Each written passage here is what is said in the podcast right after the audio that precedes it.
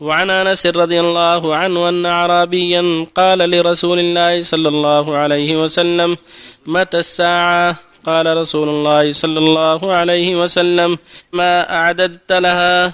قال حب الله ورسوله. قال أنت مع من أحببت. متفق عليه.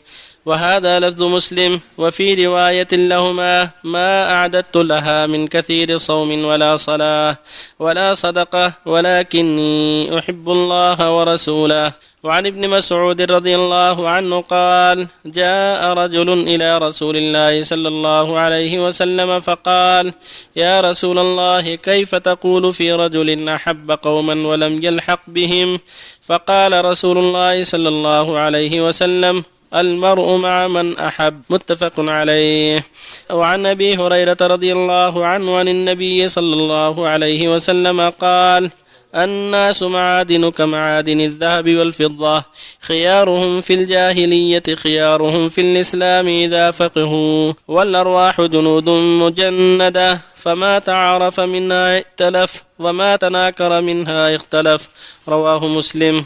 وبالله بسم الله الرحمن الرحيم. الحمد لله وصلى الله وسلم على رسول الله وعلى آله وأصحابه ومن اهتدى بهن أما بعد هذه الأحاديث الثلاث التي قبلها في الحث على حب الله ورسوله وحب الأخيار ومجالستهم وصحبتهم وزيارتهم والبعد عن صحبة الأشرار والحذر من ما يدلون به وما يدعون إليه. في هذا الحديث يقول صلى الله عليه وسلم لما سأله الأعرابي المرء يحب أن يقوم ولما يلحق به قال المرء مع من أحب. وقال متى الساعة؟ قال ماذا أعددت لها؟ قال ما أعددت لها بكثرة صلاة ولا صوم ولكن يحب الله ورسوله. قال أنت مع من أحببت. هذا الحديث والذي قبله كلاهما يدل على أن الإنسان مع من أحب. من أحب الله ورسوله والمؤمنين فهو معهم ومن أحب الكفرة والظالمين فهو معهم.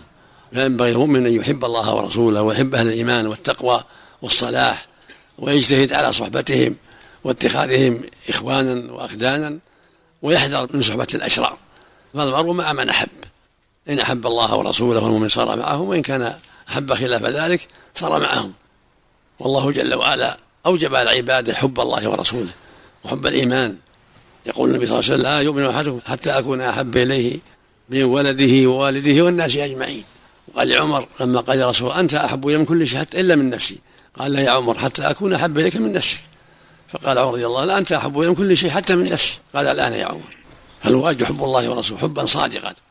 ويقول النبي صلى الله عليه وسلم ثلاث من كن فيه وجد بهن حلاوة الإيمان أن يكون الله ورسوله أحب إليه ما سواهما وأن يحب المرء لا يحبه إلا لله وأن يكره أن يعود الكفر بعد إذا انقذه الله منه كما يكره يقذف في النار.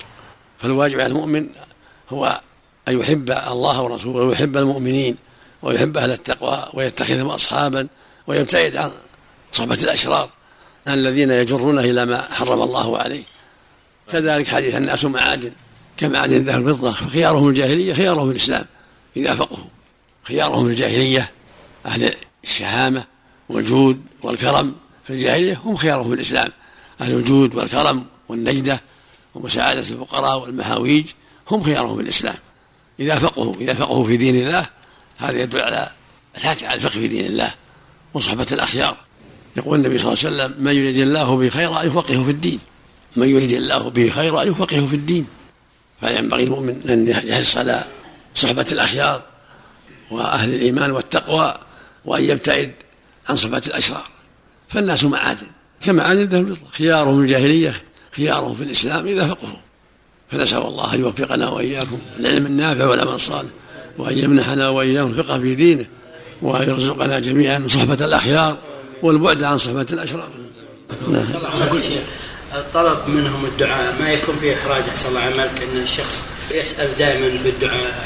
لا لا بأس إذا سأل. أخيه الطيب أن يدعو ما في النبي صلى الله عليه وسلم قال يقدم عليكم ويس القرني كان برا بأمه فمن لقيه منكم فليطلب منه الدعاء.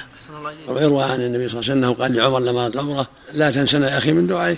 لكن لا يلح لا يكون ملحاح.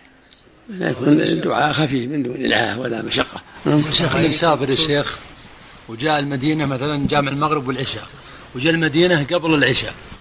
إن صلى معه في نافلة ولا تجزي الصلاة اللي صلاها في السفر؟ تجزيها العشاء والمغرب كلها ما دام جمعها في السفر إيه؟ تجزي. لكنه وصل أهله؟ وهكذا الظهر والعصر إذا جمعهما ثم قدم قبل العصر تجزئ الظهر والعصر. وإن صلى مع الناس لما قدم صارت نافلة له. أحسن الله عملك يا شيخ. بارك الله فيك. بحديث أبو هريرة المقصود هنا في الأرواح جنود مجندة. يخشى أصناف. ما تعرف من ائتلف ما تعرف منها بالتقوى والإيمان أو بالفقه ولا ائتلف وما ترك من أختلف. فالواجب على أهل الإيمان أن يكونوا إخوة متحابين بالله متعاون بالبر والتقوى متعاون على كل خير. ضد الباطل وأهله. ما يكون يا شيخ شرط استمرار العذر هو شرط؟ لا مو بشرط. مو بشرط. إذا أداها في السفر إذا أداها في السفر كفى أحسن الله إليك. بالنسبة لقول النبي صلى الله عليه وسلم لا يؤمن أحدكم حتى أكون أحب إليه من ولده ووالده والناس أجمعين. يعني الإيمان الواجب الإيمان الكامل كيف نقارن بين محبة ال ال الإنسان لولده وبين محبة النبي يعني الإيمان الكامل. إذا كان يحب ولده أكثر صار محب صار إيمانه ناقص. أما حب الله ورسوله لا بد منه أنا إيمان ما في شك هذا أما ما في شك لكن. كون الرسول أحب إليه من ولده ومن نفسه هذا هو كمال الإيمان. فإذا أحب ولده أك- أكثر أو أحب زوجته أكثر صار نقصا في إيمانه ضعفا في إيمانه. عفى الله.